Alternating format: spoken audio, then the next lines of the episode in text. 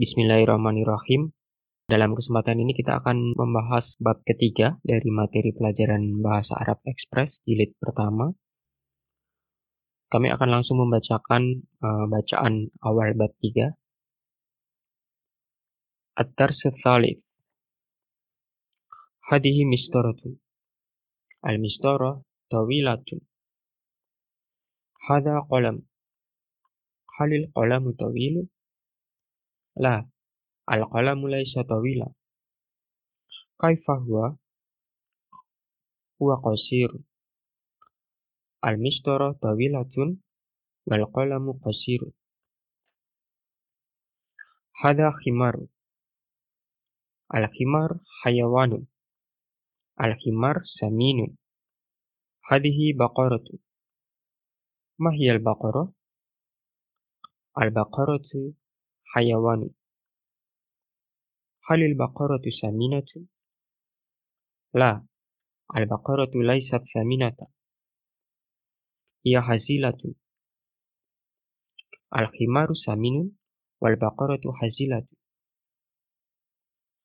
itu adalah bacaan untuk uh, bab 3 setelah bacaan tersebut itu ada daftar kosakatanya yang bisa Anda semua pelajari masing-masing sudah ada artinya seperti biasa Kemudian di bawah daftar kosakata ada arti bacaannya.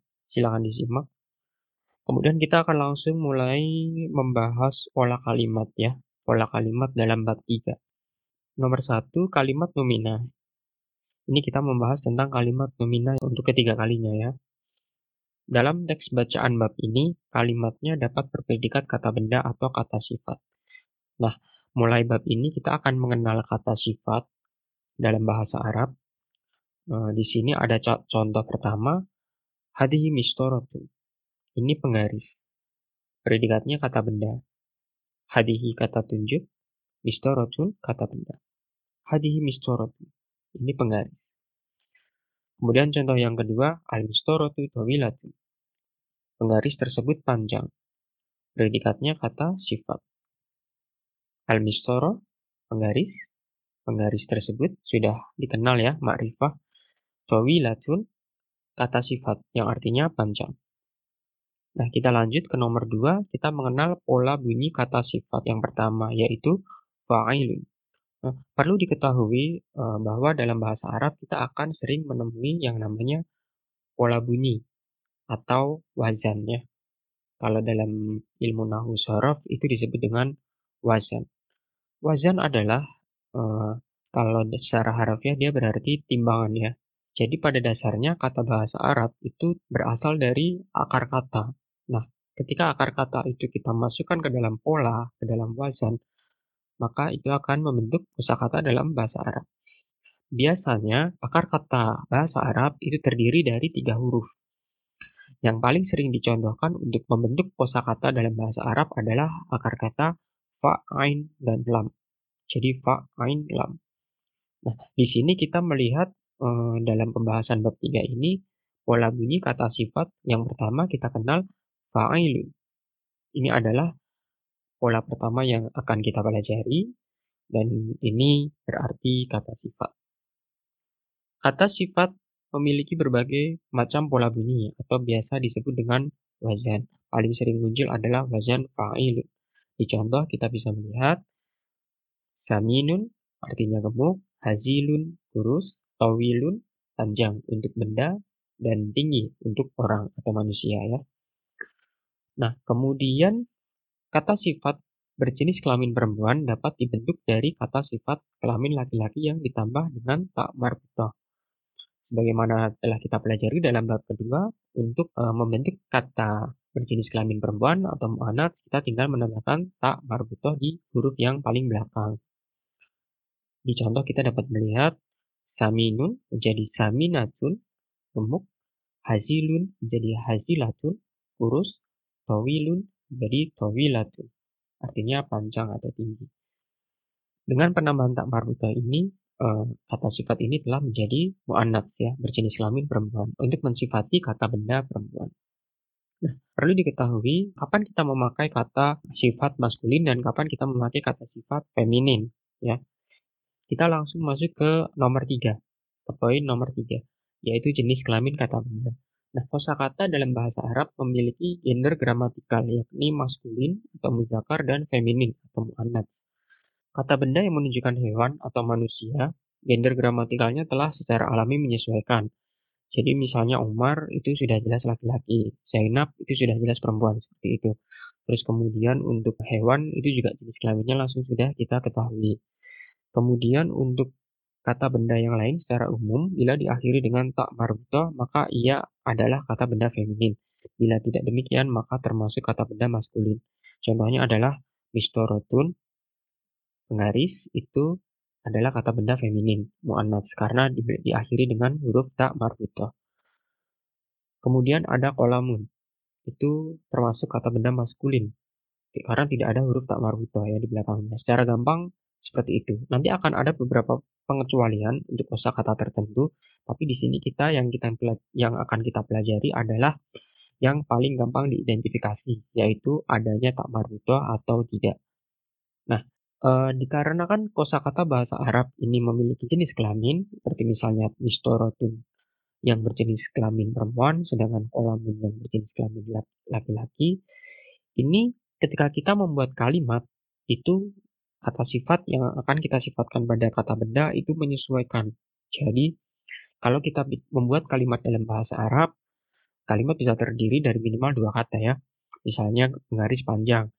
Mistorotun, tawilatun bukan mistoratun tawilun, bukan mistoratun tawilatun. Jadi menyesuaikan. Jadi ketika kita membuat kalimat dalam bahasa Arab, uh, jenis kelamin kata benda dan jenis kelamin penerangnya atau kata sifatnya itu diseragamkan, disamakan. Jadi kalau kata bendanya perempuan, anak, kata sifatnya juga harus perempuan. Kemudian kalau kata bendanya muzakar, laki-laki, kata sifatnya atau predikat yang menerangkan juga harus laki-laki. Seperti itu ya. Contohnya seperti dalam uh, teks di awal tadi. Di sini kita bisa membaca hadi mistoratun, al mistoratu tawilatun, al mistoratu tawilatun. Nah, karena di sini mistoro penggaris itu diakhiri dengan tak marbutoh, dia berjenis kelamin perempuan, kata sifatnya tawilatun, bukan tawilun, tawilatun ya tawilatun diakhiri dengan tak marbuta juga. Seperti itu. Kemudian untuk contoh lagi, misalnya yang paragraf kedua, kalimat ketiga, al-himaru saminun. Himar ini adalah kata benda muzakar atau laki-laki ya. Kemudian kata sifatnya saminun, gemuk. Keledainya gemuk. Al-himaru saminun. Bukan al-himaru saminatun, bukan. Al-himaru saminun tanpa tak marbutoh karena untuk kata bendanya juga tidak disertai dengan huruf tak marbutoh. Kami kira cukup jelas? Insya Allah jelas. Kemudian kita masuk ke nomor 4, penggunaan kata sanggalan laisa. Laisa adalah kata kerja khusus. Laisa sebetulnya memiliki beberapa poin yang harus kita perhatikan. Akan tetapi dalam bab ini untuk mempermudah pemahaman teman-teman semua, hanya perlu kami informasikan bahwa Laisa ini adalah berfungsi untuk menegasikan atau membuat kalimat negatif seperti itu. Secara singkat, pengertian Laisa adalah kata yang menunjukkan arti penyanggalan. Seperti itu saja, supaya lebih mudah memahami. Contohnya, langsung bisa kita lihat di kalimat Al-qalam laisa tawilan. Pensilnya tidak panjang. Al-qalam laisa tawilan. Nah, kemudian untuk Laisa sendiri, dia memiliki beberapa poin yang e, harus kita perhatikan. Di antaranya adalah harus punya kata keterangan yang nasob.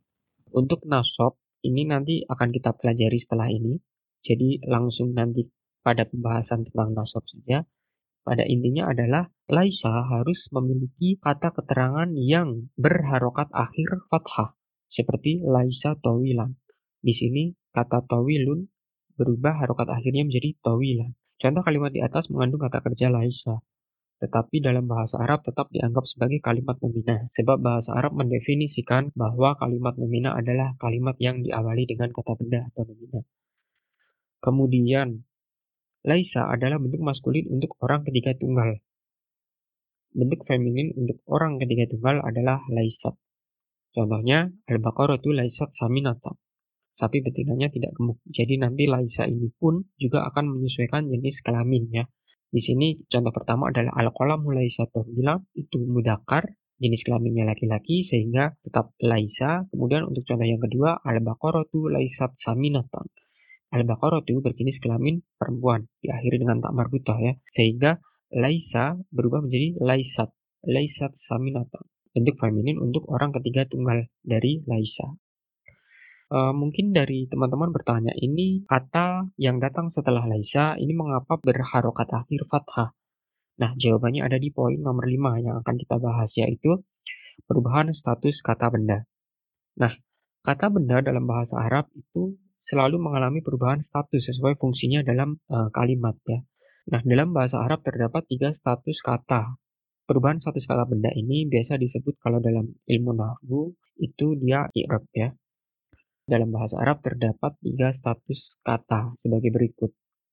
Yang pertama adalah status nominatif atau biasa kita kenal dengan kalau kita belajar nahwu itu i'rab rofa. Ciri khas status rofa itu adalah huruf terakhirnya berharokat dhamma ya, u atau un, dhammatain, dhamma atau dhammatain. Contoh dari status nominatif atau i'rab rofa ini adalah subjek kalimat nomina dan predikat yang tidak didahului oleh laisa. Seperti Umar tabibun. Umar adalah seorang dokter. Dalam teks bacaan bab 1 dan bab 2 kemarin, seluruh subjek dan predikatnya berstatus nominatif atau rofa. Bisa dipahami ya, semuanya berharokat akhir doma atau domatain. Kemudian status kata yang kedua itu adalah status akusatif atau i'rab nasab yang tadi sempat kita singgung ya di awal. Ciri khas status akusatif adalah huruf terakhirnya berharokat fathah atau fatatain, tapi dengan ditambahkan alif ya di belakangnya. Nah, kata keterangan yang datang setelah laisa atau laisa dan teman-temannya adalah contoh status akusatif. Contoh kalimatnya al-baqaratu laisat saminatan atau yang tadi juga bisa al-qalamu laisa tawila. Nah, itu adalah contoh dari status akusatif. Yang kita sorot adalah e, kata sifatnya ya. Di sini saminatan.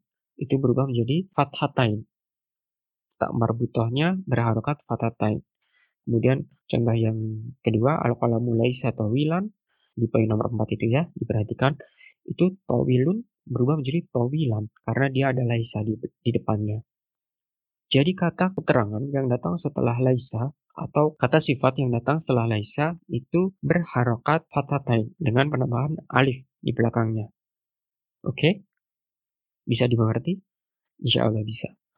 Kemudian status kata yang ketiga adalah status posesif atau i'rab. Status posesif akan dijelaskan pada bab 5, tidak kita singgung ya di bab ini ya. Nah, perhatikan bahwa kata ganti tunjuk seperti hada dan hadihi serta kata ganti terpisah seperti huwa dan hiya tidak mengalami perubahan status. Jadi kalau dalam ilmu nahwu ini disebut dengan kata mabni ya, isim mabni. Dia tidak mengalami perubahan harokat akhir. Bentuknya selalu tetap meskipun dia diletakkan di posisi mana pun di dalam kalimat. Oke, kemudian kita masuk ke poin nomor 6. Kita pelajari kata tanya baru lagi, itu adalah kata tanya ma. Kata tanya ma atau mada digunakan untuk menanyakan benda atau hewan. Contohnya, mahada. Apa ini? Kalau dalam bab sebelumnya kita belajar kata man ya. Atau man itu menanyakan orang, manusia. Sementara kalau ma yang kita pelajari dalam bab ini itu menanyakan benda. Mahada, apa ini? Kalau man hada, itu siapa ini? Kalau mahada, itu apa ini? Benda ya yang ditanyakan. Terus kemudian contoh keduanya, mahual himar. Keledai itu apa? Ini konteksnya adalah si penanya mungkin belum pernah lihat binatang yang namanya keledai. Jadi dia tanya, mahual himar. Keledai itu apa? Dia mungkin nggak tahu. Keledai itu binatang, dia nggak tahu. Mungkin dia taunya keledai itu nama benda yang lain ya, bukan hewan ya. Makanya dia nanya, mahual himar. Itu kira-kira konteksnya seperti itu. Nah, sampai di sini pembahasan kita untuk pola kalimat dalam bab 3 sudah cukup jelas ya. Semoga jelas. Bila nanti ada pertanyaan atau ada hal yang kurang dipahami, bisa ditanyakan kepada kami lebih lanjut. Untuk latihannya, seperti biasa, dikerjakan di buku catatan masing-masing, disalin soalnya, kemudian dijawab. Ini agak lebih banyak ya latihannya ya. Oke, nggak apa-apa biar lebih semangat belajarnya, biar lancar bahasa Arabnya. Untuk yang pertama, itu ada menjawab pertanyaan seperti biasa. Untuk yang soal bagian kedua, ini ada model soal baru, yaitu ubahlah status kelamin kata yang bergaris bawah jika diperlukan. Jadi di soal nomor 1 sampai 10 ini, ada kata yang bergaris bawah, itu silakan dipahami apakah dia perlu diubah menjadi bentuk mu'annats atau feminin, ataukah tidak. Jadi kalau tidak, tidak usah diperbaiki, tapi kalau misalnya dirasa perlu untuk diperbaiki, diubah menjadi bentuk mu'annats atau bentuk bentuk feminin, silakan ditulis perbaikannya di sebelahnya, seperti itu. Kemudian untuk soal yang ketiga, tambahkan kata sanggalan laisa dalam kalimat jika diperlukan. Ada soal 1 sampai 10, mula-mula kita pahami dulu artinya, kira-kira membutuhkan kata sanggalan atau tidak, uh, sudah betul atau tidak. Artinya kalau salah itu kita tambahkan laisa yang artinya adalah tidak ya. Penyanggalan. Oke, bisa dipahami? Insya Allah bisa. Baik, demikian yang bisa kami sampaikan untuk bab 3. Semoga jelas. Sampai jumpa di bab selanjutnya.